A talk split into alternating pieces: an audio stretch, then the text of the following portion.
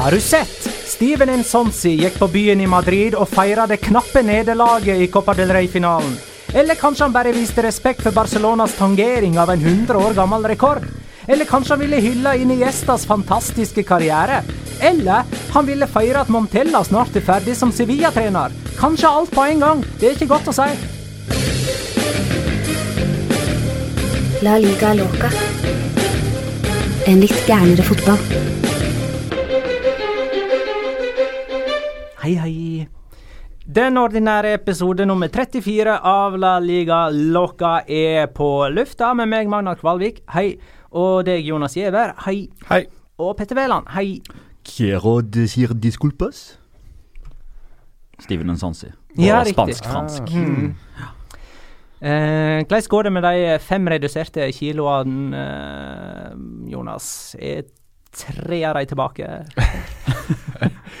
Nei, jeg eh, tror de er eh, borte fortsatt. Jeg har uh, regna på det nå nylig. Jeg har vel Sist fredag så har jeg da trent 33 dager på rad uh, uten en eneste pause. Så nå har jeg tatt uh, helga fri, og så er de i gang med ny treningsuke etter denne episoden her. Men det å trene for deg nå, det er jo egentlig bare gå på ei tredemølle i 30 minutter.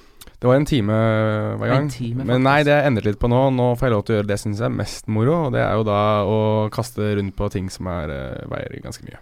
Apropos diett og slanking og sånt. eh, Petter, eh, har ikke du tatt ganske mange kilo siden nyttår? Jo, takk som spør. Hvor mange da? 16. 16 kilo! Det er imponerende, da. Applaus for det. Men han har Applaus ikke gjort en sånn 30-dager-kur. Han har lagt opp stilen forever. sant, Petter? Det, dette er en livsstilsendring. Det er ikke en kur. Det er eh, mitt første fulle år i 30-årene, 2018, og da eh, måtte det en endring til. Ja, Fylte 30 i august 2017. men du har ikke hatt et fullt år med ny livsstil? Nei, et nytt, nytt tiår. Du, du, du har starta et nytt tiår med en ny livsstil, er det det du sier? Ja, mitt fjerde tiår, fra 31 Mhm. til 40. Og, og, og det skal liksom mm, gå sunt. Første ti var bare leik, surr og tull. Ja, riktig. De neste ti, da var man litt seriøse. Han levde 20 år i sine, Petter, og nå er det nei, nei, nei. De, første, er- de første ti. Første ti. Kun leik og moro. Oh, ja.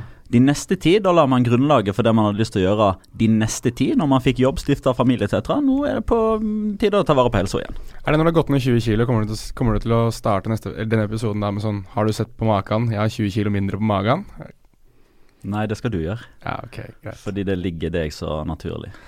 Copa del Rey-finale. Eh, det som er avgjort, og som snart blir avgjort i La Liga, og Europacup-semifinaler, er blant tema for eh, denne episoden. Jeg tror vi skal begynne med Copa del Rey-finalen.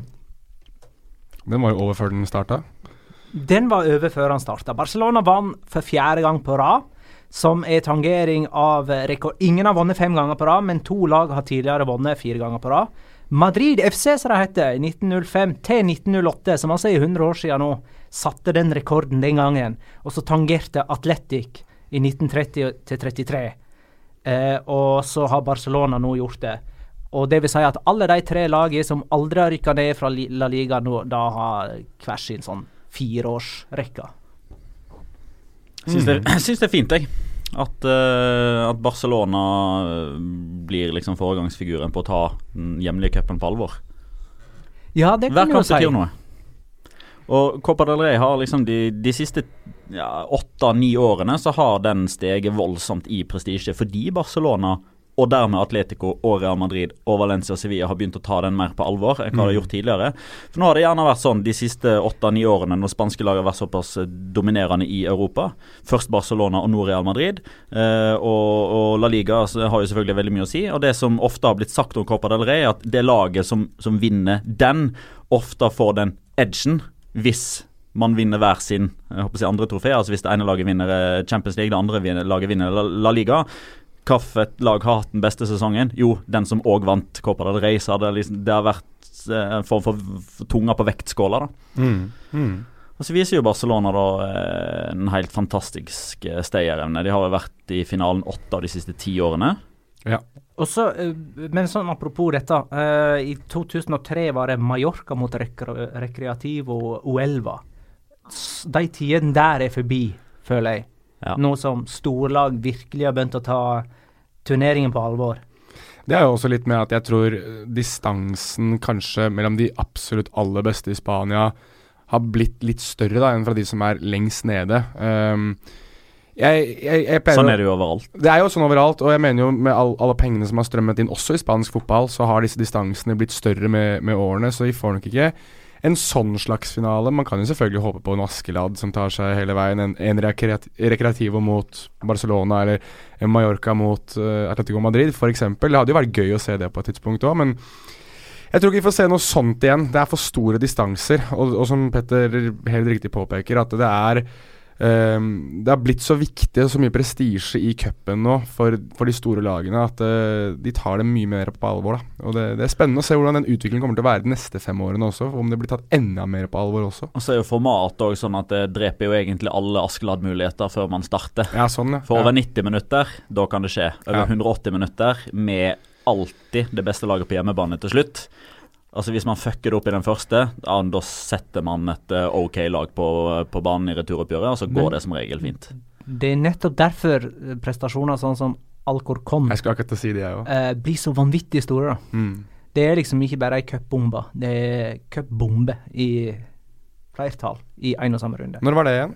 2010. 09-10-sesongen. Og da slo de ut Real Madrid med sifrene Ja, Da tapte de Da vant de vel 5-0 hjemme. 4-0. 4-0 hjemme, og så Tapte tapte, 1-0 tapte de ikke nok borte. Ja, bare greit å ha påpekt når, når det her var, og hva det egentlig er. Alcorconazo er jo det som veldig mange er det begrepet som Ja, og så fikk vel Leganes noe det samme nå. Ja, Ja, riktig. Pepinato. Pepinazo. Pepin, altså, var det, ja. Mm. Uh, men var Sevilla like ræva som Barcelona var gode, eller? Ja. På Metropolitano? Det vil jeg mene. Eh, de legger jo grunnlaget sitt på 1-0-målet, der det rett og slett er en lang ball fra Jasper Sillesen som uh, Det er Men den, den- den ja. ene merkeskåringen i denne kampen. Det er eh, Jasper Silesens pasning fra egen femmeter, vel, Ja. til eh, Coutinho. Og den må vi Det- snakke om. Det må vi. For jeg- det er 1-0. Ja, Ja da. eh, for jeg satt og så eh, kampen sammen med en kompis, og vi var ikke helt enige om hvem som er mest skyld i den skåringa, eller hvem som burde ha avverga den. Jeg vil gjerne ha din mening på det, Jonas. Hvem skal ta den skåringa på si kappe? David Soria, Gabriel Mercado eller Clement Langley? Eller Montella. Jeg vil egentlig si at det er en slags altså en, en, Alle har litt feil i det. Altså En forsvarslinje er jo Min, me- min mening er klokkeklar ja, er på at det, er én av de. Hvem er det? David Soria. Å oh, herregud, han er så redd for å drite seg ut ved å ikke nå den ballen hvis han går ut. Men altså, han Ja, altså, sånn, ja. Keeperen til Sevilla ja, skal stå keeper- høyere, keeperen- mener du? Nei, han trenger ikke stå høyere engang. Han må bare angripe ballen istedenfor å gå tilbake til, til målstreken. Fordi, han, fordi han skal kutte, altså kutte ballen ja, okay, altså han skal ja. komme ut og sweepe der. Fordi altså, hva, altså den, den ballen som Sillesen slår, den er jo så lang og hard at eh, kamera 1, eh, altså han som styrer kamera 1, må jo zoome ut for i det hele tatt å få med banehalvdelen til Sevilla. Og da ser man at David Sordi er fullt frispank på vei tilbake igjen. Og han starter løpet sitt der ballen til slutt havner. Ja, så der er jeg sitter og ser på det her nå. Ja, vet du jeg, Når jeg ser den en gang til nå, så kan jeg si at jeg er litt enig. Men hvordan er presset på Silesen, da? Om det er jo det er grusomt. noe. Det er Ja, det er jo ingen det er jo ikke noe press. Det De er jo, står jo høyt, Sevilla, og markerer bare utespillere. Så, så, eh, Men jeg tenker det er, en, det er en kollektiv feil at Sevilla. Det er et feilaktig det stort press. Og det er ikke noe mannsmarkering. Det er Montella, absolutt. Men, men, når, det der, men når den pasningen først kommer, når den kollektive feilen først skjer altså Hadde dette vært motsatt, hadde det vært David Soria som hadde slått den ballen gjennom Du kan banne på at Jasper Sildesen hadde vært der ute, for han hadde turt å gå ut. men det er én altså jeg, jeg, ser ikke heller nær nå i farta, Gal Mercadio. Ja, det er kun, det er kun det òg. Det er kun én mann som står på riktig banehalvdel av de forsvarerne til, eh, til Sevilla. Og da mener jeg jo det at det er en kollektiv feil. Hva er den riktige banehalvdelen? Den riktige banehalvdelen for en forsvarsspiller må jo være å forsvare eget mål, vil jeg vel mene, med mindre du skal presse veldig på, jeg tror poenget her er at hele laget skal stå høyt. Ja, men men at det de ikke har press på keeper. Altså, De må jo ha press på ballfører, skal Ja. de stå høyt. de, de, har ikke, de, har ikke, altså de har ikke aggressivt nok press på ballfører, som i dette tilfellet her er Jasper Sillesen. Mm. Da, altså Han får muligheten til å slå den opp i banen istedenfor å måtte slå den ut, eller eh, måtte starte småspill bak der, og kanskje da presse Barcelona i, på egen banehalvdel, som jeg tror Forhåpentligvis var det, var det Vincenzo Montella ønsket, men det gir jo Sillesen nok tid til han får så vanvittig med tilslag at den ballen går 70 meter opp i banen. Og jeg er helt enig med Petter, når jeg ser den nå en gang til, så er jeg enig i at David Soria skal i hvert fall sjanse der. Når han ikke har noe som helst annet, når han ser at Suárez er på ene sida og Coutinho kommer på andre, så må han sjanse der. Men jeg synes jeg synes Hvis vi skal gi noen, gi noen litt skyld her, så vil jeg si at det er en kollektiv feil. At det er mest sannsynlig faktisk elleve mann som feiler sammen på 1-0-skåringa. Og det ser ut som uh, Det var vel Petter Bø Tosterud som sa at dette her er Norway Cup-forsvar. Uh, og det er jeg helt enig i. Kollektive feil feller på trener, spør du meg. Ja, og han er i Han, han er i hardt vær. I hardt Men vær eh, før det så tar vi det andre store punktet eh, i eh, denne finalen, utover det at Barcelona vant eh, eh, med utklassingssiffer. Det er at Andres Iniesta skåra og eh, fikk applaus fra samtlige mann på tribunen da han eh, gikk av uh, banen. Og han skårte og fikk også applaus. Ja, ja, og, og det var i det hele tatt tåredryppende, fra hovedpersonen sjøl med røde øyne det han forlater banen. Eh, og så mange følelser eh, på en gang har jeg ikke sett fra Iniesta noen gang. Nei, ikke Ja, så kanskje bortsett fra da han river av seg eh, trøya i VM-finalen og hyller Danny Harke.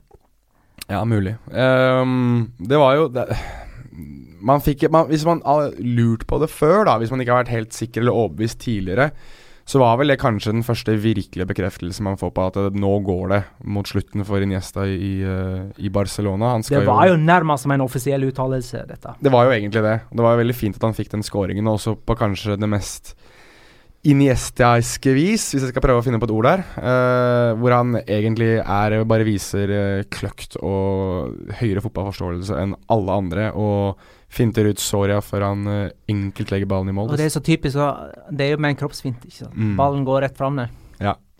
Der har du Iniesta, vet du. Ja, det er litt det med de beste spillerne, at de Også får bilde av eh, Messi som eh, holder rundt ham Ja. med lukka øyne og bare tar hele ikonisk, Iniesta i, innover seg. Ja, Det er det med Iniesta. Altså at han, får, han har fått det umulig til å se mulig ut, og det mulige til å se enkelt ut. Og Det er noe som jeg syns oppsummerer virkelig store idrettsutøvere, eller artister generelt, da. eh, å, å klare det. Og i min levetid så er det, er det ikke veldig mange fotballspillere jeg kan tenke meg om som har klart det uh, bedre enn Andres Niesta. Så det det blir veldig veldig trist og veldig vemodig når han uh, tar turen til Kina. Han har vel kanskje gjort seg litt fortjent uh, til å kunne si at han tar de siste tre årene sine der han kommer til å tjene nesten 100 millioner euro eller noe sånt nå på tre år.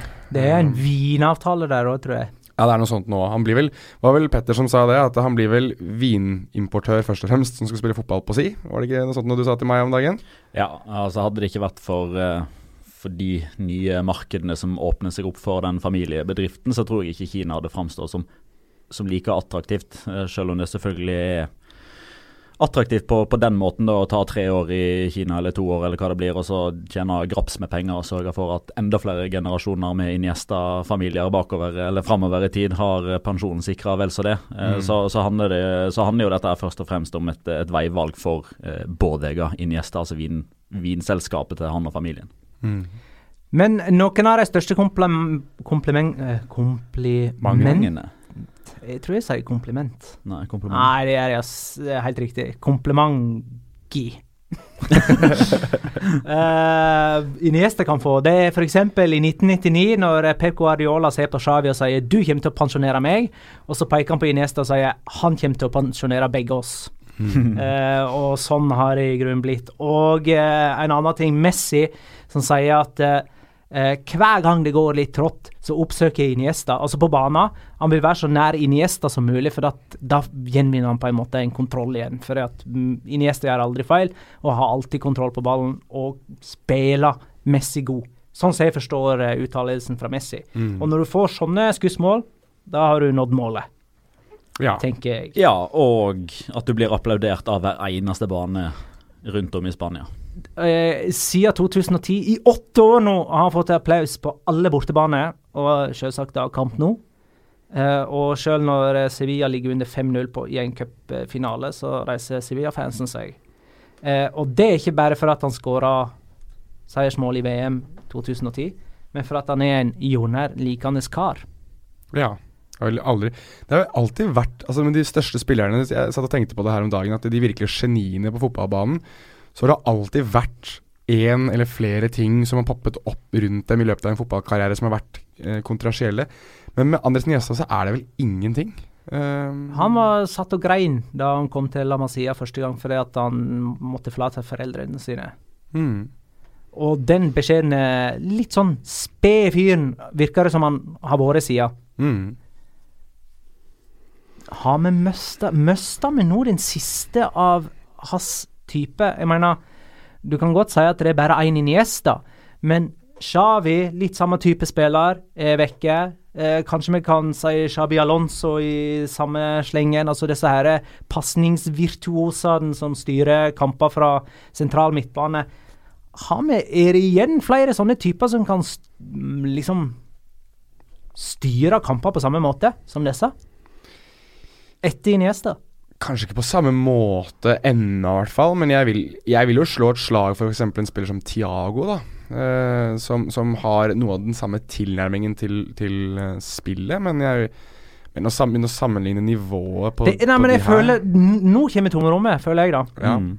Kanskje. For det, det, var, det, var ikke, det var tungt å si ha det til Xavi, for all del, men vi hadde fortsatt Iniesta, liksom. Ja, det, det er et veldig godt poeng, og det er jeg veldig veldig enig i. At det, det var litt enklere, enklere sånn sett. Og så var det For mange så var det også litt enklere å, å på en måte oppsummere det med at ja, men Chavi dro til Qatar. Eh, så det, da kan man på en måte avskrive han litt, for det var han en som dro dit pengene, pengene var, da. Litt Eh, sånn, det er en litt sånn generasjonsdefinerende type som eh, forsvinner etter denne sesongen, hvis det nå faktisk blir sånn. Jeg tror han er en av de spillerne som vi kommer til å sette mer pris på nå når han har dratt, eh, enn det vi kanskje gjorde nå da han var i Barcelona. Altså For, for, for hvermannsen som tenker tilbake Gud, husker du hvor god Iniesta var, eller?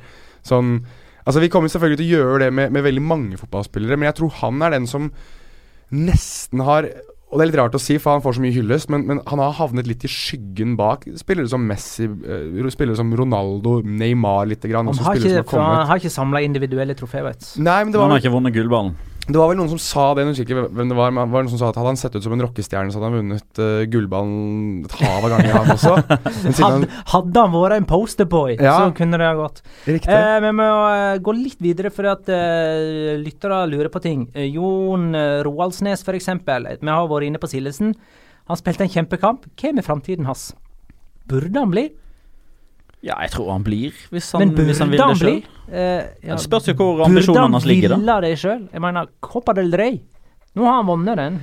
Ja, men hvor, hva er liksom Hva er hans, hva er hans nivå? Eh, altså, hvis, hvis man er Jasper Sillesen, Han har vil, nivå, altså. Det er landslagskeeperen til Nederland. som ikke er i VM engang Ah, han, han har i alle fall et større potensial enn å være backup i noen som klubb. Ok, men, men la oss si det sånn, da. Så hadde Altså, hva for en toppklubb har en, kall det, ledig keeperposisjon, da, som skal friste han bort fra tilværelsen i Barcelona? Eller må han ta et steg ned? Altså Skal han være fast på en klubb på eh, Nå snakker jeg ikke serienivå tre, men typ hegemonihylla nummer tre, da? Eller skal han fortsette å være nummer to i, eh, på, på hylla nummer én? For å svare på det første spørsmålet ditt her, da. Hvilken klubb er det som kanskje har en åpen plass? Så det første jeg tenkte på, er PSG. Det er jo Jeg- en klubb som har, mulighet, som har plass åpen. Men, men er han er- god nok for det, da? Tenker Jeg jeg. tenker han er vel så god som eh, Karius. Jeg mener ikke Jasper Sildesen er en keeper som man skal ha hvis man ønsker å vinne eksempelvis Champions League. Det er jeg enig i. Men Og da Luis skal han Karius ikke stå i eller Simon Mignolet. Nei. Så Liverpool vinner ikke Champions League. Nei, jeg tror ikke det. Du går litt sånn sideveis hvis du går fra, fra Loris Karius til Jasper Sildesen, synes jeg. Det er ikke Ja. noe steg opp der, egentlig. Litt ja, eh, Litt tryggere.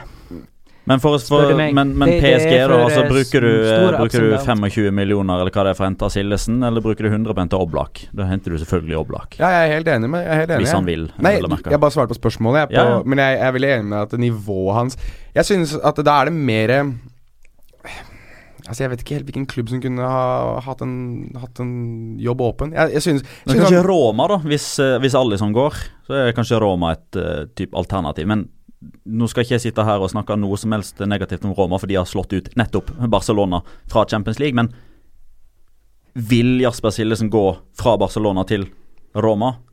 Vil han være andrevalg i Barcelona, eller vil han være førstevalg i Roma? Det er jo en sånn greie som han må bestemme seg for hadde for. jeg gjort. Napoli, da. Napoli kommer jo til å miste Peppe Reina til uh, AC Milan. Kjempevalg i Italia. Ja. To uh, som kan knive om han.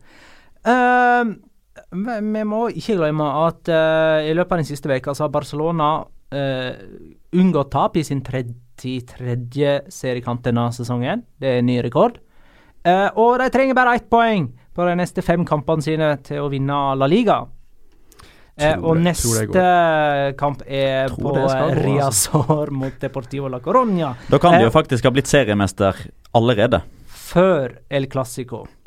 Ja, og ja, de kan uh, Atletico spille de- før eh, Ja, for dette, nå, nå, nå, nå har det jo blitt eh, ekstremt mye snakk om denne Passilloen som eh, Real Madrid ikke Ja, er ønsker å eh, stå eh, for eh, Barcelona. Og da er jo liksom Mm. da, da vinkler selvfølgelig dette Altså Marca vinkler jo selvfølgelig dette her på at eh, jo, det kan bli Passillo eh, hvis Real Madrid taper mot Leganes og hvis Atletico Madrid ikke vinner sin kamp. Da blir Barcelona seriemester før de skal spille mot Deportivo. Da må Deportivo stå æresvakt.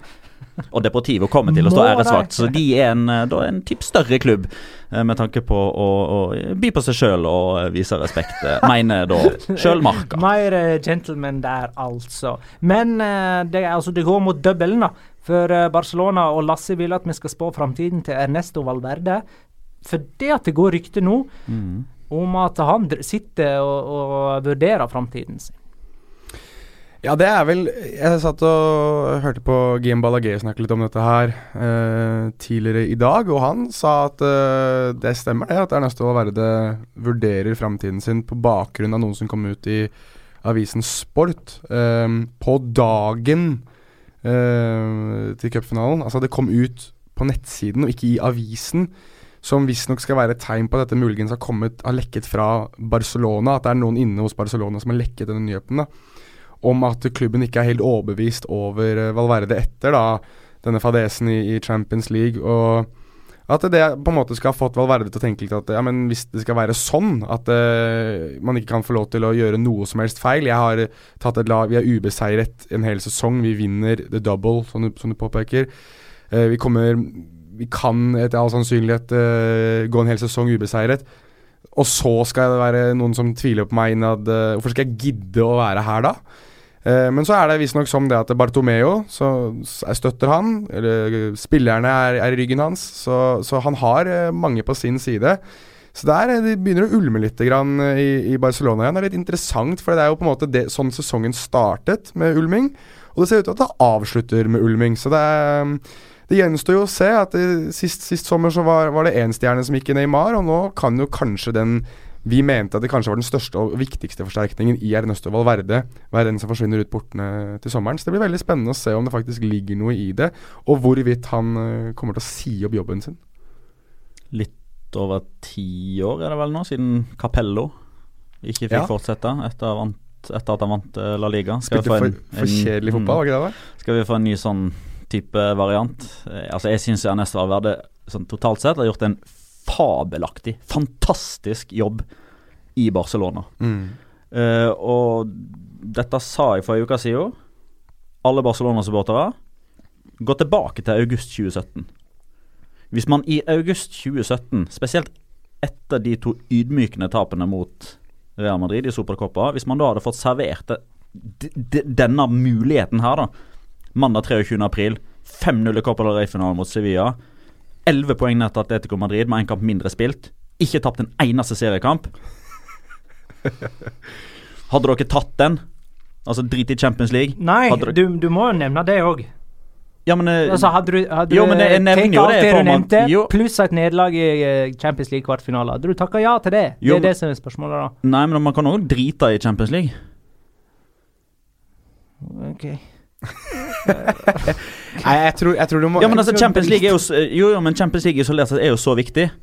ja, men jeg tror, jeg Og hvis man da typ driter i Champions League, da er det jo helt åpenbart at da er ikke det en positiv faktor i regnestykket. Men ta det med, da, som du sier, hvis du snakker om fra Gustav. Hvis du, Ja, sier, ja. hvis du tar alt det du sier her nå, double uh, ubeseiret en hel sesong, men, Ja. eh, men at du ryker ut i kvartfinalen i Champions League, slik ståa var i august Ja, selvfølgelig hadde man tatt det.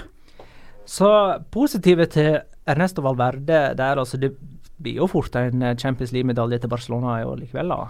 Det har blitt det. Har det? UFA Youth League, var ikke det du tenkte på? Nei, jeg tenkte på eh, Coutinho. Å ja. Ah. ja. Den blir de sikkert uh, kjempeglade over. Da blir det parademarsj, så blir La Rambla fullt. Skal de ha, skal de ha kjøre sånn eh, åpen eh? Åpen, åpen, åpen taxi med Filippe han, Coutinho. han, eh, han får Champions League-medalje, han, Ja, hvis ja, ja. Liverpool vinner. Det var Paul Vincent Surke som lurte på dette forrige gang, skjønner du. Ja, ja. Har det skjedd før? Har det skjedd før? ja, det har det må jo ha skjedd skjedd. før. Nei, men i Champions. League-æraen, da? Ja, Ja, det må jo ha skjedd. ja, ja, ja. Jo, dette, dette her Dette mener jeg vi har snakka om før. Ja, du kom med en påstand om at Coutinho kunne bli den første gjennom tidene eller et eller annet sånt Det var liga- i, i januar. Det var ligatittel. Det var ligatittel jeg snakket om da. At han kan gå Han blir den første Liverpool-spilleren til å vinne en ligatittel siden sånn og sånn. sånn. Det var en Ja, dårlig spøk den gangen. Men jeg, men jeg Ja, kan som det slo spøk, tilbake ja. på Mm. deg fordi at det, det var feil. Albert Riera og alle mulige andre Ja, folk som folk dro, dro opp. Ja da. ja. Men jo da, det er folk som har forlatt Real Madrid uh, eksempelvis i et januarvindu, og så har Real Madrid vunnet Champions League. Ok, ja. Jeg var ikke sikker. Uh, Montella. Eh, quick round, hadde jeg nær sagt. Eh, hva skjer med Montella? Sevilla-treneren. Eh, har Sevilla hatt noe som helst å glede seg over før og etter Old Trafford-triumfen? er, hva- er den en sånn her greie som har lurt folk til å tro at Montella har vært en suksess i Sevilla? Det var jo Copa del Rey-avansementene i januar da, som Ja. ga han en fin start når han tok seg forbi Atletico Madrid ved å vinne hjemme borte. Den, den, hang, eh, den hang ganske lenge. Og så begynte man å tvile, og så kom seieren på Old Trafford. Eh, og så begynte man å tvile igjen nå, uh, men denne gangen så klarte man jo ikke å, å, komme med den typ positive overraskelsen for tredje gang. Derimot så tryner de noe så inn i granskauen at Sevilla-supporterne nå, de som befinner seg i Spania, de som lever Sevilla der hjertet banker rødt og hvitt Altså De Atletico Madrid-kampene er glemt fordi man til slutt kasta den finalen i dass. Man møtte ikke på jobb. Eh, man eh, viste ikke noe som helst eh, stolthet for drakta. Man ga opp med en gang man møtte motgang. Eh, og Nei, altså det Enormt mange kritiske Sevilla-supportere. Det er jo en klubb der altså Med når når- når med. Jo, jo, men det er sånn generelt og på generelt grunnlag. Sevilla, når ting er bra, så er supporterne så fantastisk positive. Når det går dårlig, så er de så sinnssykt negative. Der er det svart-hvitt. Eh, Det fins ikke noe De har ikke mellomleggspapir i Sevilla, for å si det sånn. Der er det enten eh, rosenrødt eller bekmørkt. Akkurat nå så er det bekmørkt, med rette pga. en sånn type finale. Det, de blir jo latterliggjort for en hel verden. Eh, og da Sevilla-spillerne reiste tilbake igjen på, eh, på søndag, dagen etterpå, så ble de først eh, møtt på Atocha, mm, togstasjonen i Madrid, med mange irriterte, sinte, skuffa Sevilla-supportere som, eh, som slang da meldinger osv. Og, så og når de møtte opp på Santa Rosta, togstasjonen i, i Sevilla, da ble det jo eh, om ikke håndgemeng, så ble i alle fall både Nicolas Pareja og Sergio Escudero etc. veldig eh, trigga av Sevilla-supportere som sto og slang dritt til dem mens de sto der med kona, med barn og, og sånne type ting. og det, Han måtte jo unnskylde seg i etterkant, eh, Pareja. Unsonsi måtte eh, bruke togturen på å legge ut en video på, eh, på sosiale medier der han unnskyldte seg for at han uh, hadde gått på byen eh, etter 05. Han uh, forklarte det med at uh, de har sjelden fri som fotballspillere. Han hadde hele familien og masse venner i Madrid, så da tenkte han at ja, hvorfor ikke? Um, ok, han tenker ikke så veldig mye lenger enn nesa strekker seg. Eh, og når de kom tilbake igjen da, så, uh, så skulle de jo egentlig da typ det, det er vanlig i Sevilla, har jeg blitt fortalt, at eh, José Castro, Oscar Arias og Vincenzo Montella, uh, henholdsvis president, sportsdirektør og trener, møtes mandag morgen som en type sånn vanlig, vanlig møte. Ok, hva syns vi om forrige uke, hva skjer videre? Uh, Kall det jevnlig medarbeidersamtale. Men eh, nå hadde Sevilla fått fri, så de skulle ikke møte sånn egentlig da på dette mandagsmøtet. Så da tok man i stedet for et møte søndag ettermiddag, det ble jo selvfølgelig slått stort opp i Eldes Marke og Estadio Deportivo osv., om at nå er det krisemøte. Eh, ikke nødvendigvis det det var, eh, men eh, i morgen, tirsdag, da er det Consejo de Administrasjon. Da skal, eh, da skal det være styremøte, planlagt i lang tid. Men der spekuleres det i at ting kan skje, for nå begynner det virkelig å brenne under beina. Eh, for det er ikke bare det at de tapte den finalen og at det ikke ble noe pokal, men de risikerer å stå uten europacupspill neste sesong. For en klubb som Sevilla, som baserer alt sitt gode rykte på suksess i Europa, så er det skandale om de lar en sesong gå til pieces på den måten der. De er på åttendeplass Sevilla. A-poeng med Chetaffe, som er nummer sju. De er på syvendeplass fordi de har møttes innbyrdes. Ja, riktig. Um, så foreløpig sier de eh, Men det er A-poeng, ja. Ja, og bare uh, poengene til Girona. Og Og sjuendeplass sju- gir jo Europacup her, da. det gir Europacup, men, Men eh, de er altså, som du sier, rett framfor Girona. Ja, og samtidig så er altså den syvendeplassen Ja, det gir Europa League, men det er en eh, Det er den definitivt verste måten å komme seg ut i Europa på. For Det betyr at man må starte preseason i begynnelsen Nei, i midten av juni, fordi man må spille tre kvalifiseringsrunder for å komme seg inn i gruppespillet. All right. Uh, lykke til, Sevilla. Uh, vi må bevege oss videre til Madrid. Der uh, det er semifinaler i vente i Europa. To eh, Madrid-lag som eh, ikke har imponert den siste veka. Real Madrid spilte 1-1 hjemme mot eh, Atletic. Atletic leda der lenge 1-0. Eh, Cristiano Ronaldo utligna eh, tre minutter før eh, det 90. Det var hans mål. Det var hans mål, med viten og vilje. Fantastisk skåring, egentlig. L Ja. Veldig lite snakk om det. Ja, det var sånn Ja. eh, Han flikka han inn eh, på skudd fra Modric. Han har gjort et par andre ting denne sesongen her som har vært litt mer spektakulært. Men vi snakka jo ikke om det heller. Nei, vi gjorde jo ikke det. De møtte altså Bayern München borte på onsdagen.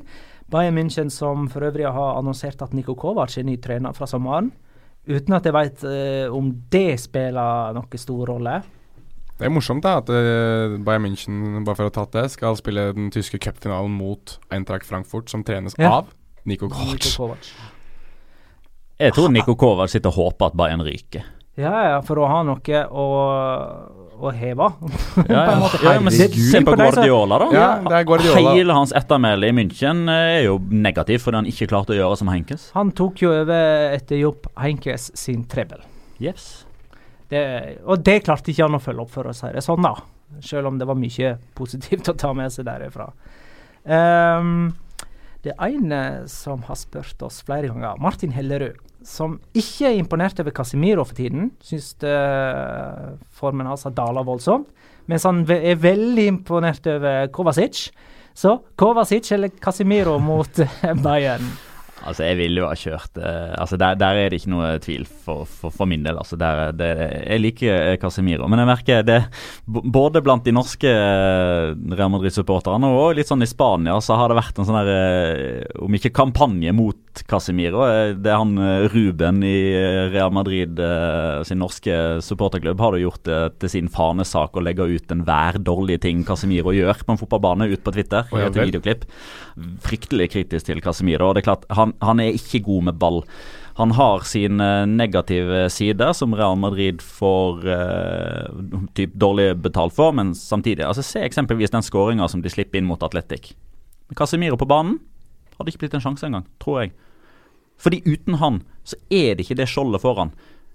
Og Jeg er veldig positiv til Kovacic, men han er ikke det skjoldet foran midtstopperne som midtstopperne til var vel- trenger. Kovacic, som spilte òg i den famøse Ja, El, han løp ved siden av Messi i stedet for å Eh, ja, han sprang vel vekk ifra og Han sprang vekk ifra ballfører, som var Ja. Rakitic, for Ja, sånn å ha var. Messi For å være Forsvant ut av bildet, husker jeg. på den der. Det var Altså, jeg, spill gjerne eh, Casemiro og Kovacic eh, sammen ved siden av hverandre, men problemet er at det må Cross eller Modric ut, og det går jo ikke. nettopp. Det går Så det er jo definisjonen på et luksusproblem. Jeg, jeg, jeg forstår skepsisen til Casemiro på, på sett og vis, men totalt sett, det han bringer Det er bare til å se resultatene Real Madrid har hatt i Champions League med han. Men eh, Christian Skaute, Isco eller Bale? Det er første spørsmål. Og så andre, Bale eller Benzema? Altså, Ja, nummer to er et spørsmål. Det første er jo ikke et spørsmål. Greit. Isco spiller. Ja. Men Bale eller Benzema? Altså, det eh, Christian egentlig vil fram til her, er at Bale sin kontringsstyrke kan være nyttig borte mot uh, Bayern München. Eh, og kontringsstyrken til Isco er vel questionable. Uh, og Benzema sin er jo eh, det òg.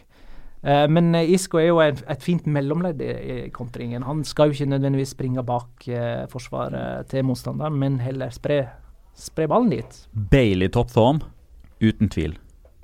Er Bailey toppform nå? Overhodet ikke. Ja, Men det, det vet vi ikke. det? Kan han plutselig være på onsdag. Jo, men hva, Dette må jo Zidane ta med i beregningen. Altså, Hva har Bale bidratt med den siste måneden? Null, niks, nada, zip. Benzema. Bortsett fra to skåringer borte mot, uh, mot Las Palmas. Og Benzema. Ingenting. Jeg har ikke sagt at noen av de skal spille, jeg.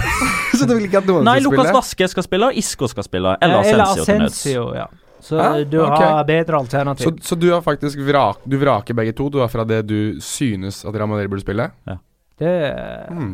Jeg følger faktisk Petter. Nei, helt på for, jeg synes det er jeg, tror- jeg tror ikke det kommer til å skje. Det er balls Nei, jeg tror si. Benzema kommer til å spille.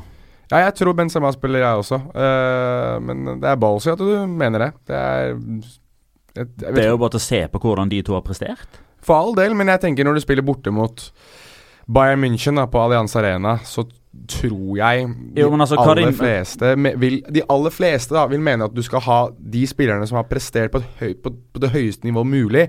Og ja, jeg er veldig enig med deg at både Bale og Benzema er ikke i toppform, men deres toppnivå er jo betraktelig høyere enn f.eks. Lucas Vasques. da Og Hvor lenge siden er det de har vært der, da, Jonas? Ja, det er lenge Altså, siden. De som mener det, er de samme som, Ja. som, eh, som sitter og mener at det er de elleve som blir tatt ut på FIF Pro Team of the Year, faktisk har vært de elleve beste fotballspillerne. Der Yes. de i maks halvparten av tilfellene faktisk er det. Jeg sier ikke at jeg er uenig med deg overhodet i det. Jeg bare sier det at jeg, jeg spiller djevelens advokat her nå. Ja da, jeg jeg, jeg, Men det er svaret. Ja da, og det er bra, det. Men jeg, jeg, jeg tipper at det blir eh, Benzema.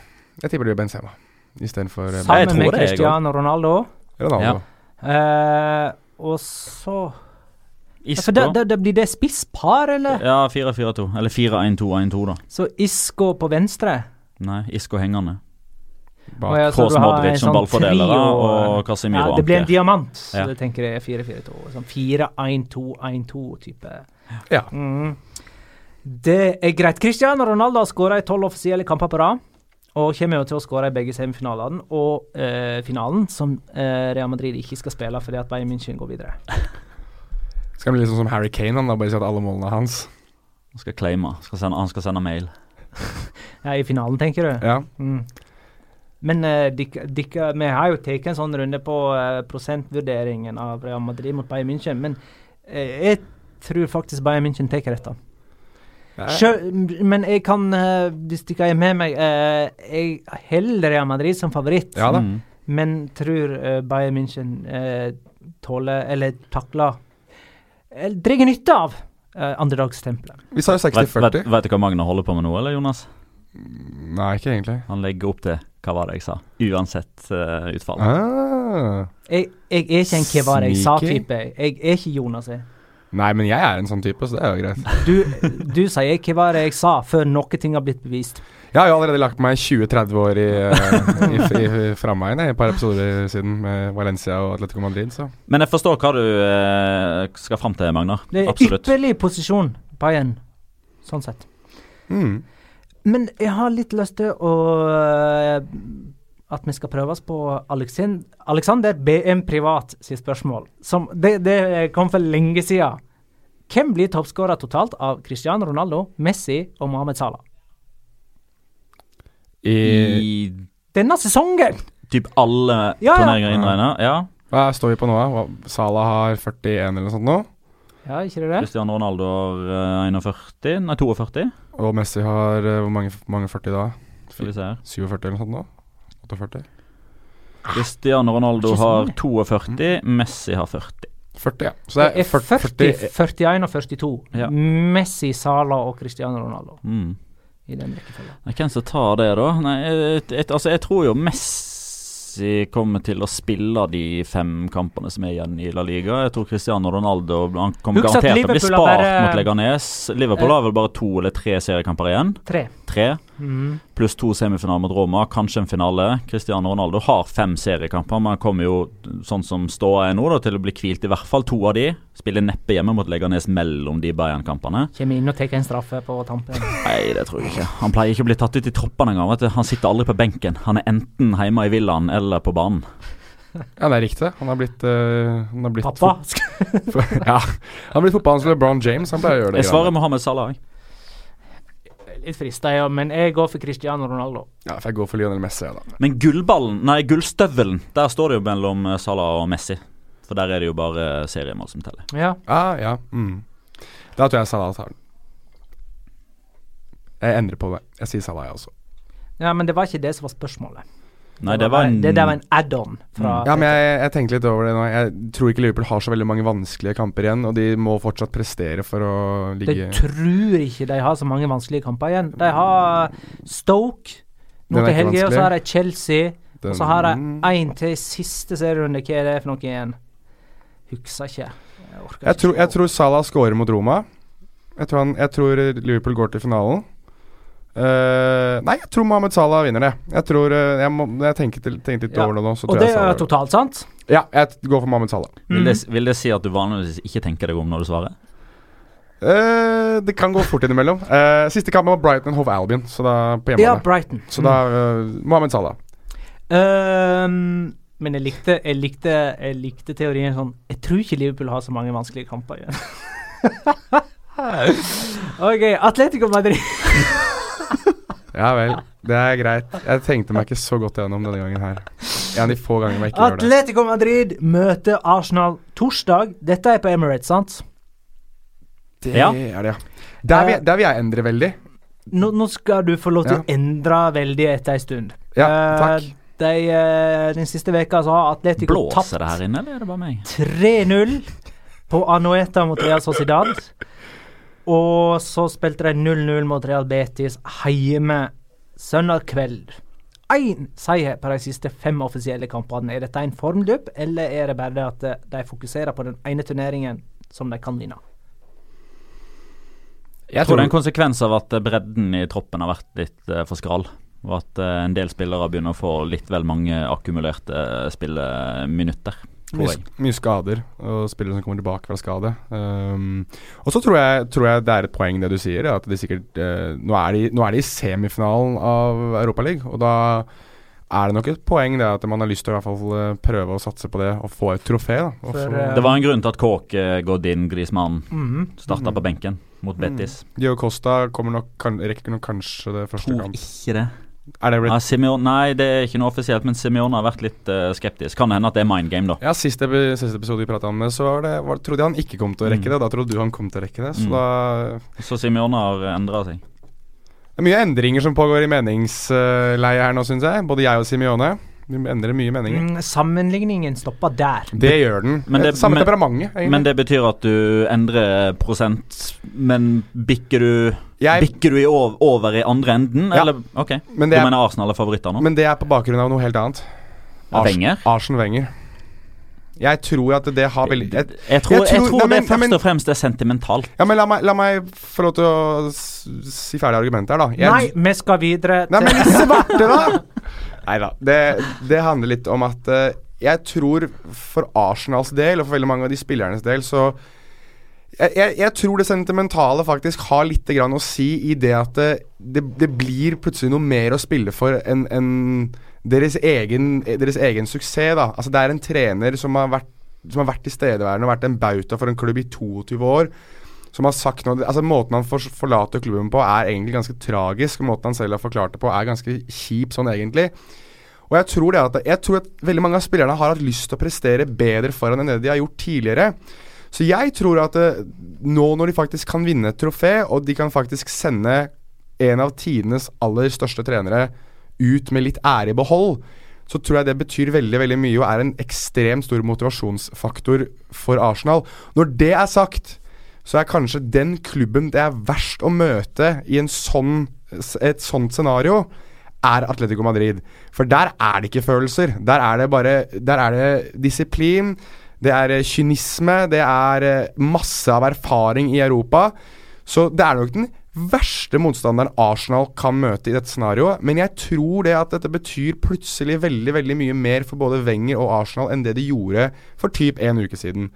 Ehm, jeg sier ikke, sitter ikke og sier at det er 70-30 Arsenal. Jeg tror ikke det er noe mer enn sånn 55-45, 60-40 i favør Arsenal.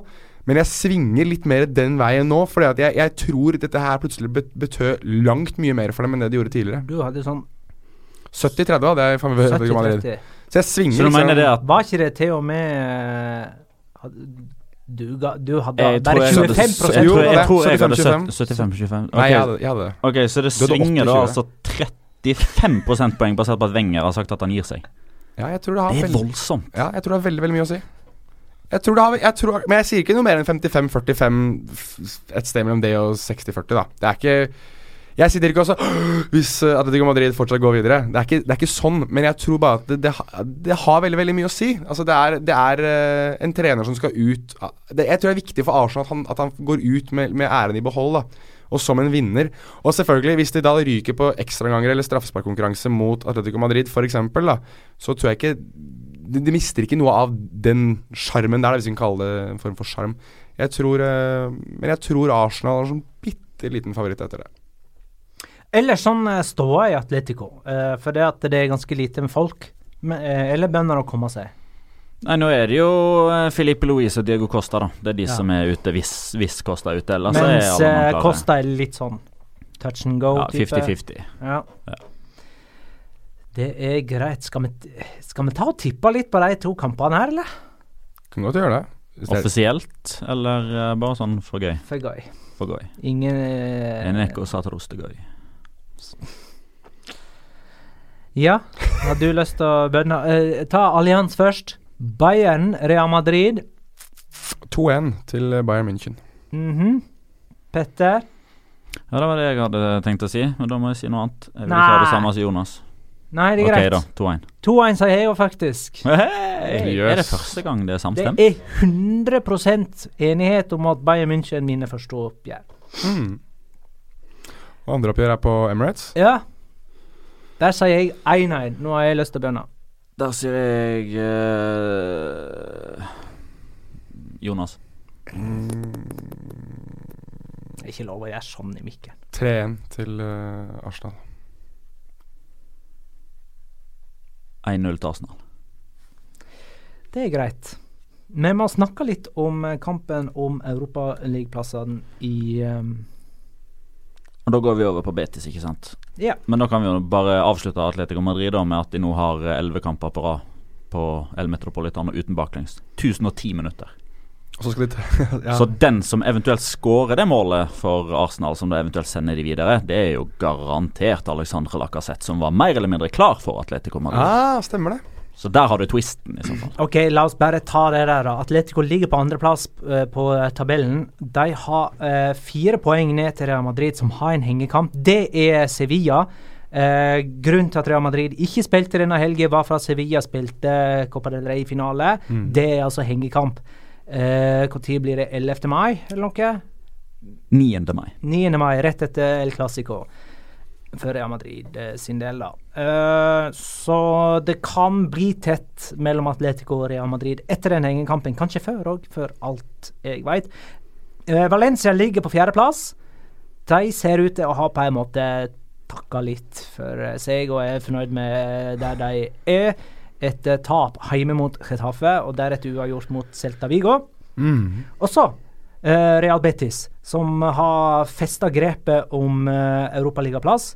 Ligger på eh, femteplass nå, og de har vel seks kamper på rad uten baklengs, og hadde fem strake seire uten baklengs.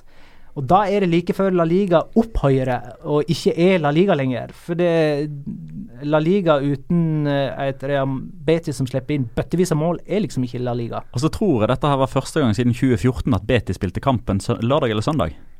Det var ikke fredag eller mandag. Endelig kan vi snakke om Ja, dem. endelig Ja, det er- kan vi snakke om Det er Betis. sant, det.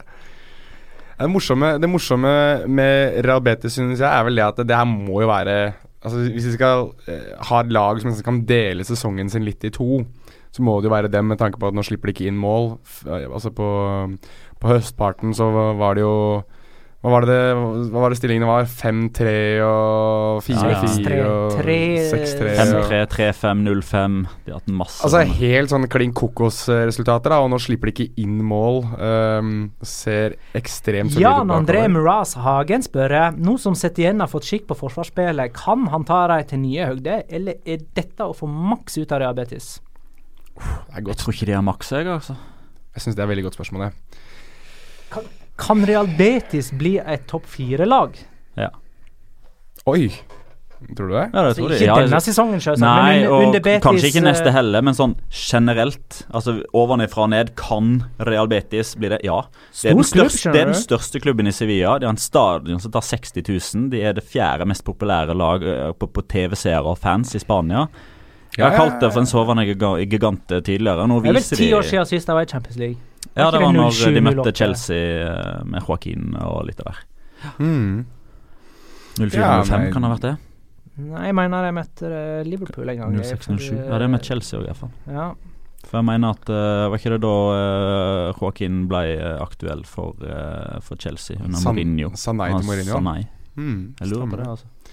Ja, det er veldig, veldig mulig. Nei, jeg eh, hmm, Ja, topp at de kan bli det, men blir det det da under kickset igjen? Eller må Jo, nei, det er det som er spørsmålet. Spørsmålet er om han klarer å løfte det enda et hakk. Altså, jeg vil jo si at Betis har potensial til å på en måte komme tettere Valencia enn det de er nå. De ligger på femteplass, ikke sant, og er best av resten. mm. Men eh, 56 poeng etter 34 kamper, det er mulig å ta det lenger, for de har tolv tap, f.eks. Ja, de må jo luke vekk en del av de, da. Det er vel eh, det, det mest åpenbare svaret. Men jeg, jeg, Det hadde vært gøy. Kan vi ikke si det sånn? Det hadde vært kjempegøy hvis de hadde klart det. Spesielt med den spillestilen de har, og med de karakterene de har i laget, og altså den spillestilen som de har utvist nå, da. Det hadde vært kjempemoro om de klarte det, men jeg, jeg vet ikke om det er en bærekraftig spillestil. Det hadde vært en fantastisk klubb å ha i kampen om fjerde. Ja, det er jeg helt enig med deg i. Og de, og hvis Sevilla også kan da få litt skikk på skuta si, og ha de to Da der blir det oppe Brennheit. Da blir det Brennheit. Det har vært kjempegøy. Kanskje det er nok med en av dem. eh, Sånn Nei! Av helsemessige årsaker. Det er aldri nok med bare én av de to. Kjør begge to. Vi har jo tatt Sevilla for den del.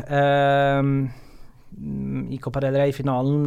Det er klarte jo år bare 0-0 mot Deportivo La Coruña i midtveka. Eh, og uh, kjempa på en måte med nebb og klø for å eh, sikre seg en plass i Europa. Ehm, jeg nevnte så vidt Valencia her i stad. Det som på en måte var mest oppsiktsvekkende, var Getafe sin seier på Mestalla. og deretter deres seier, seier mot Eibar begge på bortebane, som gjør at Chetaffe er laget som for øyeblikket, da, før liksom alle innbyrdes oppgjør på en måte teller inn i tabellen, så er Chetaffe nummer sju, Mm. som nyopprykka lag. Viser jo det at hvis du spiller Gloy Remi, så skårer du mål. Han skåra to, han, Han gjorde det! mot eh, Valencia. Det var pene mål. Det var sånn derre cool goalgetter. eh, Jeg er eh, vant til å skåre mål-type spiss. Mm. Mål. Mange har nå, da? Sju? Sju. Det Blir, det blir ikke flere, vet du. Det går ikke, vet du. Nei, men det er, her, her syns jeg faktisk vi kommer ut uh, begge, Jeg, jeg syns faktisk vi kommer godt ut av det begge to, selv om du taper, Jonas. Hvordan kan vi begge komme godt ut av det når jeg taper? fordi jeg syns Nei, det er frisk satsa, og Din- det er ikke så langt unna. din påstand syns jeg egentlig står seg ganske greit. Loic Remy har vist seg kapabel til å skåre ti mål i løpet av en sesong. Mm. Grunnen til at jeg var helt uenig, var at jeg argumenterte for at han kom til å være såpass mye skada som han har vært tidligere, at han spiller ikke nok. Jeg syns vi begge har riktig sånn sett, men at du la lista for høyt, og da slo jeg til. Skulle sagt fem, vet du. Ja, Da hadde jeg ikke blitt med. Nei, åtte kunne jeg sagt. Altså- oh. Casemiro har jo skåra fem mål i La Liga denne sesongen. Jo, for så vidt. Til og med Karim Benzema har skåra Vi går til nedrykksstriden, der det ikke er så mye strid, egentlig. Eh, to lag er allerede rykka ned, og det er vel rekordtidlig. Mm. Malaga og Las Palmas.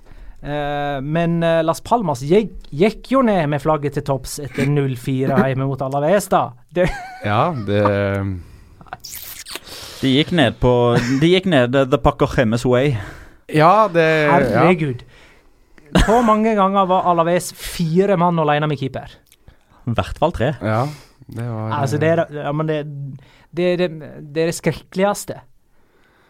Det, det, det, er så meningsløst å stå så høyt og liksom uh, tenke at uh, vi skal angripe uten å ha noen strategi for hvordan man står imot uh, kontringer. Man skulle trodd at de hadde vært på Play Ingles litt tidligere på dagen og eller, Ja, Play Ingles og tatt seg et par, uh, par på en av de irske pubene der og så gått og spilt fotballkamp etterpå. Det er jo fotball som ikke tilhører noen form for sans og sanning, egentlig. Eh, og så er det egentlig litt greit da at det er, det er over der nå, holdt jeg på å si. For det er liksom Vi har snakket om det Jeg synes vi har snakket om det hele sesongen, jeg. Om at eh, de kommer til å rykke ned, og at her går det aldri bra. Og vi har sittet og ledd av Maritio Lemos og alle mulige jo, andre eh, tulle...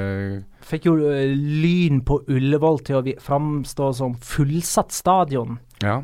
Med- Satt og så på det. Det var jo eh, mest, mest liv lagde jo fem engelskmenn bak det ene målet på eh, Seks. En, seks engelskmenn på det ene, eh, bak det ene målet der en Theo smalt uh, frisparket til tverrleggeren. Hylte de i går. Og det kunne man både se og kanskje også høre. Malaga og Las Palmas er altså nede. Deportivo la Coronia har fortsatt en teoretisk mulighet til å klare seg. Da er de helt avhengig av at Levante ikke slår Atletic senere denne mandagskvelden. Nei, det er fortsatt for så vidt teoretiske sjanser om Levante skulle vinne den kampen, men eh, Jeg tror den røk, jeg, da Emmanuel altså, Teoretisk har du ikke røket, men da Emmanuel Boateng skåra på slutten der mot uh, Malaga, så, så tror jeg Det tror jeg var det siste halmstrået. ja, da Levante Levante- slo ja. Malaga i Ja, midtveka. ja. Ja, og hjemmekampen før der òg, så skåra jo José Campaña etter 92 mot Las Palmas. ja. Så det er liksom De har den flyten som de andre overhodet ikke har. Altså Hadde Deportivo hatt den samme flyten, så hadde skuddet til Celso Borges gått stang inn og ikke stang ut Men mot Sevilla. den som virkelig har mista målteft, det er Lucas Perez. Ja. Herregud, han, han kunne skåra på sin første, andre og tredje sjanse, han, eh, før han gikk til Arsenal. ja bra, Magne. Meget bra. Ja, Men nå skåra ikke han på sin første, andre, tredje eller fjerde sjanse Nei, lenger. Det er uh, absurd. merkelig. På, eh, Jeg har litt sånn eh, ambivalent forhold til uh, Lucas Perez akkurat nå. For jeg syns i, i hver bidige kamp så er han den suverent beste enkeltspilleren Deportivo har, i form av å skape sjanser for seg sjøl og andre, arbeidsinnsatsen, løpene som strekker motstander. Men han går jo Inaki Williams en høy gang. Ei, nå slutter vi å disse Inaki Williams. Han er jo kjempegod framfor mål. Blindhøna kan finne korn. Har du hørt så dumt, da?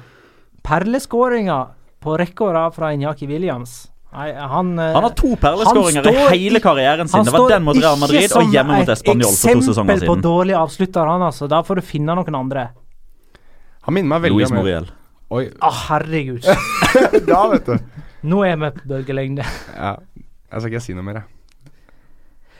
Nei, men Deportivo la Coruña, eh, som sagt, avhengig av at Levante ikke slår Atletic denne mandagskvelden. Eh, og så får de altså Barcelona på besøk eh, til helge. Jeg kan garantere én ting da i den Levante-Atletic-kampen som går senere i dag, mandag.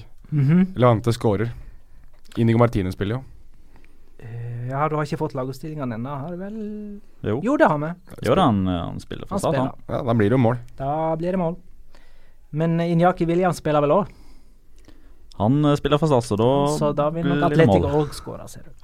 Ok, ja. 2,88 i odds.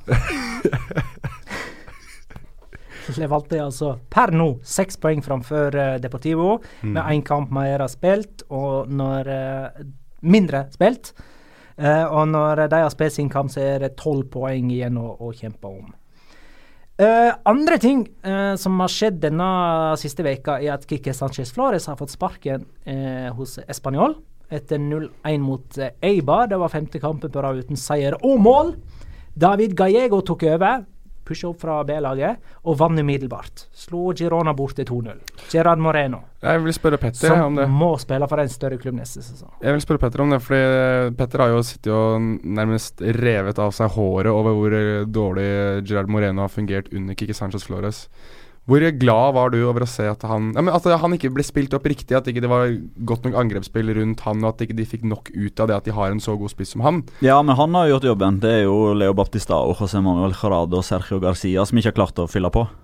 Jo, det er jo greit nok, men du, men du sa vel tidligere i sesongen det at når du har en så god spiss helt der Mhm. framme, så skal det være flere skåringer. Det skal være ja, mer men han, moro. han har jo gjort jobben. Han skåret halvparten av målene deres denne sesongen. 50 ja, synes- 14 av 28. Hva synes du Ja, det er veldig bra, men det kunne fort vært seks, syv, åtte mål mer hvis de hadde spilt litt mer offensiv og Mm. attraktiv fotball. Ja. Hva synes du da om at eh, etter at Kikki Sanchez Flores så skårer han to mål i første kamp? Rein tilfeldighet. Det ble okay. spilt av banen i 90 minutter. 25 i avslutninga, 10 Han 0 hadde i cornera. tippa på Girona, han skjønner du, så han var skikkelig Ah. sur og bitter. Ja, Jeg- jeg, jeg altså. brygger på mage så fortsatt jeg etter den kampen der. Anna Drypp, eh, Real Sociedad tapte sin første kamp under, under um, Imanol Alguacil. Uh, og det mot nedrykksklare Malaga, faktisk. Uh, og er det noen som har lyst til å spare resten til Locora, eller skal jeg gå videre? Kan jeg komme med en uh, morsom statistikk, som jeg er ikke helt lokora, egentlig? Snakk litt, dere to, for nå må jeg finne en ny lokora, høring. Nei, eh, så du har lyst til å ta resten av den kampen i Locoraen? Ja? Ja, Ja, det er- det her er ikke var det jeg noe- om. Å ja, ok. Jeg trodde det, det indikerte at du hadde det som din lokora. Nei da, eh, det er en av dem. Okay, jeg ja, har riktig. backups. Nei, Riktig, riktig. Men jeg, da le- eh, Ja. jeg skulle bare ta den, jeg, at, siden, at dette er Nå er jo tolv trenere har jo mistet uh, jobben sin, uh, eller sagt fra seg jobben sin, så langt denne sesongen her. Nei! Jo, og det er uh, da det meste siden 2006-2007, altså Det før er good snacks, Jonas. Ja. synes- Nå er du flink. Takk. Jeg synes eh, Tolv stykker jeg hadde ikke tenkt over. Nei, altså, Det det er mer er enn halvparten. Det er kun Skal vi se Det er kun eh, Manolo Marquez som sa opp jobben sin i Las Palmas. Ellers så har da elleve uh, stykk fått sparken.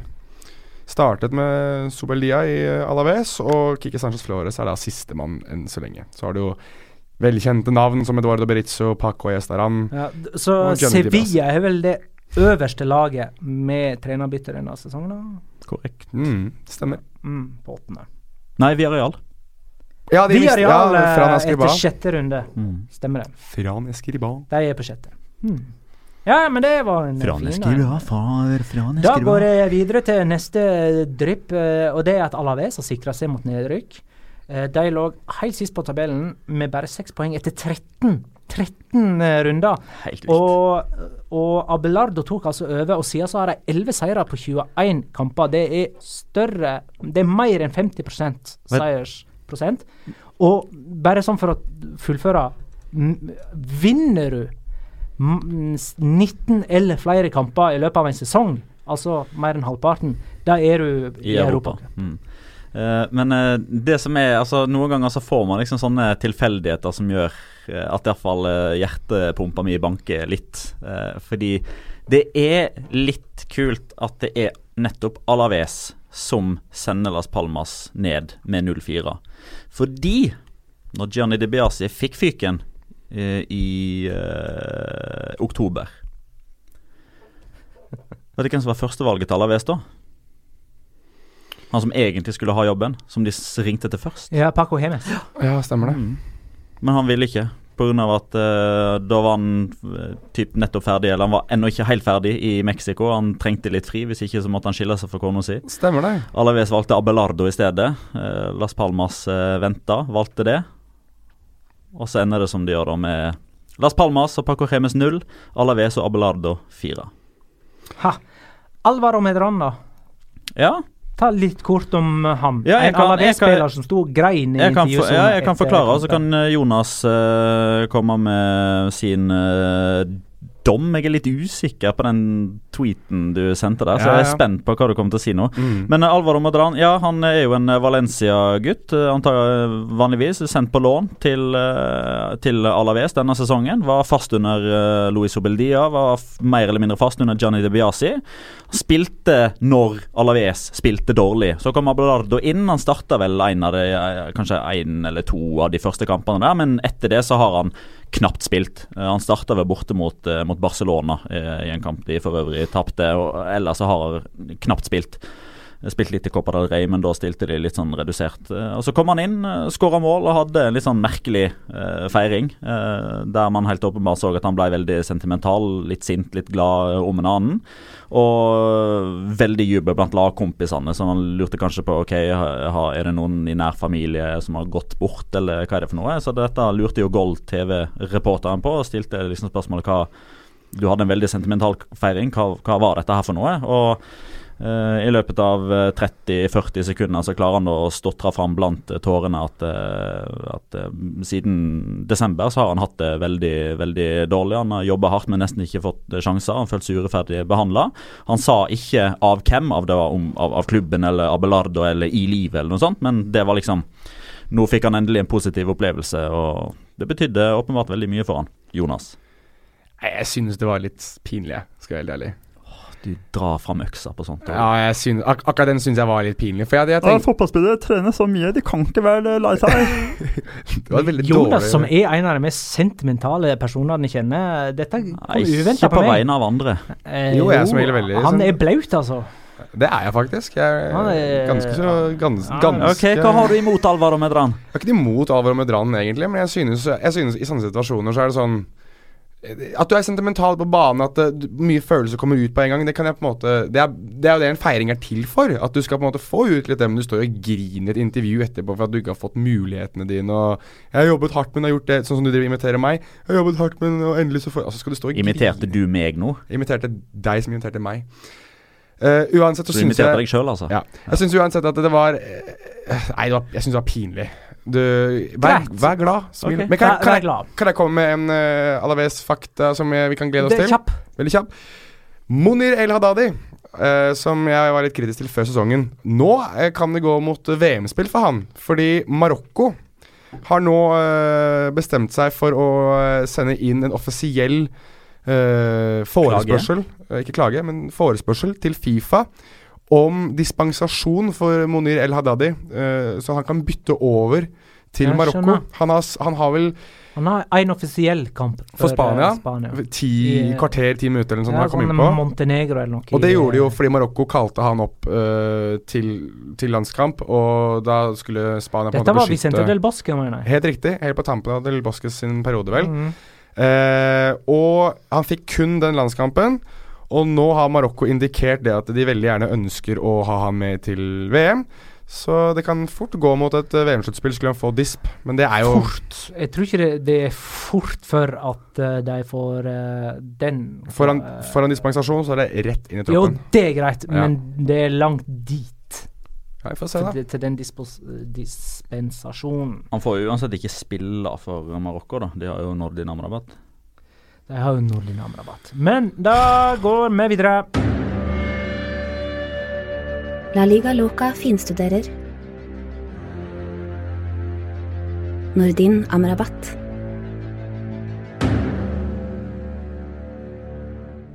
Ja, det er eh, amrabatiske, amrabatiske effekter som skal eh, i gang. Jeg har ikke så veldig mye å si om han eh, egentlig. Kanskje du har sett han mer enn meg denne uka, Petter. Ja, veldig usynlig mot Deportivo. Ta det uten å sportslige, du. Ja, da er det vel kanskje greit å komme med en liten kunngjøring, da. Eh, til dere som har undret og lurt på om dette kommer til å skje. Nå er prosessen satt i gang.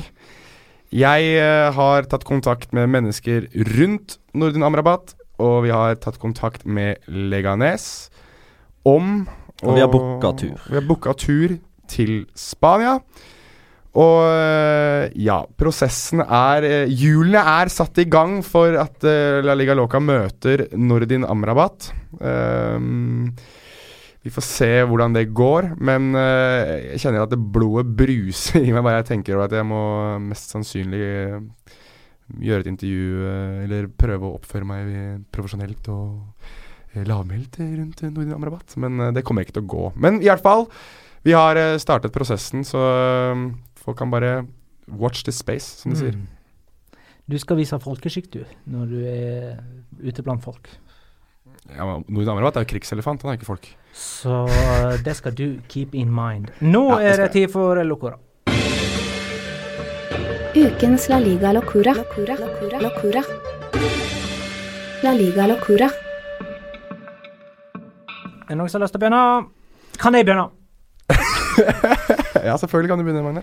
Eh, jeg føler liksom vi ikke har snakka helt ferdig eh, Andres Iniesta. Eh, vi har tatt mye om eh, følelser og kvaliteten han eh, besitter, men det er noe òg med statistikken som vi ikke har toucha såpass eller tilstrekkelig innpå, syns jeg. Eh, fyren har kanskje ikke individuelle trofé, men eh, visst har han trofé som eh, Barcelona og eh, Spania-spiller. 34 i tallet, snart 35. Han er den mestvinnende spanske fotballspilleren gjennom historien. Siden han debuterte i 2002, så har han i snitt vunnet minst to trofé hver jævla sesong. Eh, og VM for landslag VM for klubblag har han jo vunnet tre ganger, men VM for landslag er det eneste trofeet han bare har vunnet én gang. Fram til Fram til Ja, det er sinnssykt. Han har vunnet alle trofeer, inkludert EM, minst to ganger. Ja, helt rått. Helt rått. Champions League fire ganger. 2006, 2009, 2011 og 15. Råsterkt. Det er kjempesterkt. Neste. Petter? Eh, Malaga Real Sociedad. Eh, kanskje en kamp som ikke stjal overskriftene, eh, med tanke på at den ble spilt dagen etter cupfinalen og Malaga allerede var rykka ned osv. Men der eh, var det et eh, statistisk eh, poeng som eh, Og det er et eller annet med Real eh, Sociedad. Fordi Locoraen for to uker siden var jo David Sorotosa, som da ble den første innbytteren i topp fem-ligaene de siste ti årene til å ha tre målgivende pasninger. Og nå har liksom noe tilsvarende skjedd igjen. Ah, ja, ja, ja, mm. Fordi eh, La Liga, Serie A, Premier League, Liga, Bundesliga eh, Siden liksom statistikkene fulgte eh, Altså Oppda og Who Scored og alle disse her begynte å loggføre, så lenge statistikkene går tilbake inn i tid, så har Har det aldri skjedd før at et lag har spilt 90 minutter uten å lage ett eneste frispark. Ikke ett eneste frispark lagde Real Sociedad. Malaga hadde eh, tre eh, dødballsituasjoner som ikke var eh, cornerer. Det var to offsider, og det var avspark eh, i, i kampen. Og til tross for at de ikke lagde ett eneste frispark, så fikk Sergio Canales gullkort. for å skyte ballen mot, heldigvis ikke på, dommeren. Den er veldig fin. Den er fin. Jonas? Jeg det er litt sånn hoppete Wirkola, den her, synes jeg. Men uh, ja, det, er, kanskje en av mine svakere. Men, men Clarence Sedorf har, uh, har jeg latt meg imponere av veldig den siste uka. Ok, siste veka, ja. Ok, det er greit. Ja, det er bare siste uka. Det er ikke så mye annet å imponere seg over av, av han. Petter må gjerne le av det, det er helt, helt ok for meg. Men han hadde jo først uh, denne, denne lille, lille seansen som ble plukket opp av uh, Elia Despoes. Denne hvor ballen gikk utover sidelinja, og han demper den sålemykt som i glansdagene. Og hele Depor-benken bak han eksploderer i all form for uh, uh, De flirte og kosa seg. Jeg synes det var kjempemoro at han gjorde det. Eksploderte i ekstase, en smule overdrevet. Ja, De syns det var kult da at treneren deres har bedre touch enn alle Han jobber i Nettavisen. Du vil ikke tro Deportivo-spillerne Ball gikk mot, Så si gikk mot så gjorde Depor-treneren dette. Derfor Ja. ler Deportivo-spillerne! Du vil ikke tro!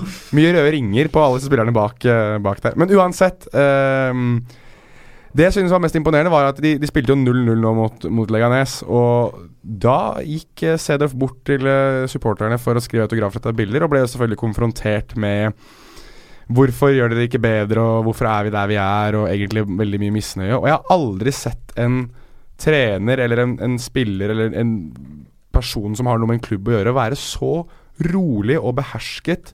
Tok, svarte på alle spørsmål. Det var, en, var spesielt én supporter som var veldig utagerende, og da sa Sedorf, ikke høyt, men med veldig stor autoritet, hør nå. Og hver gang han gjorde det, så ble det helt stille blant alle Depor-supporterne, og han prøvde å forklare. Uh, og til slutt så sa han at sånn er livet, vi er der vi er, og vi gjør det vi kan. Beklager det, og så ønsket han de god tur tilbake, og så gikk han sin vei. Det var liksom sånn Det var nesten som en sånn type autoritær figur som virker som man har veldig mye mer å gi da enn han kanskje har fått til i, i Deportivo la Coronia. Jeg syns uansett at det var moro å se litt den derre naturlige autoriteten i en klubb som Deportivo la Coronia igjen. Cool. Da skal vi tippe. Eh, jeg regner med det er basketderby som Basketderby er fint. er objektet for tippingen vår. Vi har dårlig tid nå, så dette må vi gjøre kjapt. 1-1 William Chaussé. Nei, fy søren, altså. Det gikk for den, ja. Selvfølgelig. Ja, men, eh, nå sier jeg 1-3 Monjain. Uh, 2-1 uh, William José. Jeg må jo si William José. Hvordan ligger vi an, eh, Magnar, etter sist kamp? Eh, dette har ikke vi tid til. Jo Jeg vet faktisk ikke hvordan vi ligger an. Jeg vet at Magnar er sist. Eh, du sa 2-1. Se se. Eh, nei, ingen av oss fikk poeng for uh, Deportivo Sevilla-kampen. Alle hadde jo uh, heimeseier. Det ble 0-0. Ergo så får vi jo ikke målskårerpoeng heller. Sevilla-Barcelona, der hadde Petter 1-1 med Sarabia som uh, førstemålsskårer. Det ble null poeng der. Du står med 21, uh, så det er solid. Jonas hadde 0-3, altså Barcelona sier 0-3, med Suárez som førstemålsskårer, så det er tre poeng oppe på 17. Jeg hadde 3-2 til Sevilla med Ben Jedder som førstemålsskårer, og står med 10. Uh, jeg er like dårlig til å tippe som Jonas, og tipper dermed mye sjeldnere, for at de tross alt er klokere. Eller inngår iallfall færre veddemål. Tusen takk for alle spørsmål og innspill til innholdet av eh, denne La Liga Loca-episoden. Tusen takk for at du lytta, kjære lytter. Ha det, da.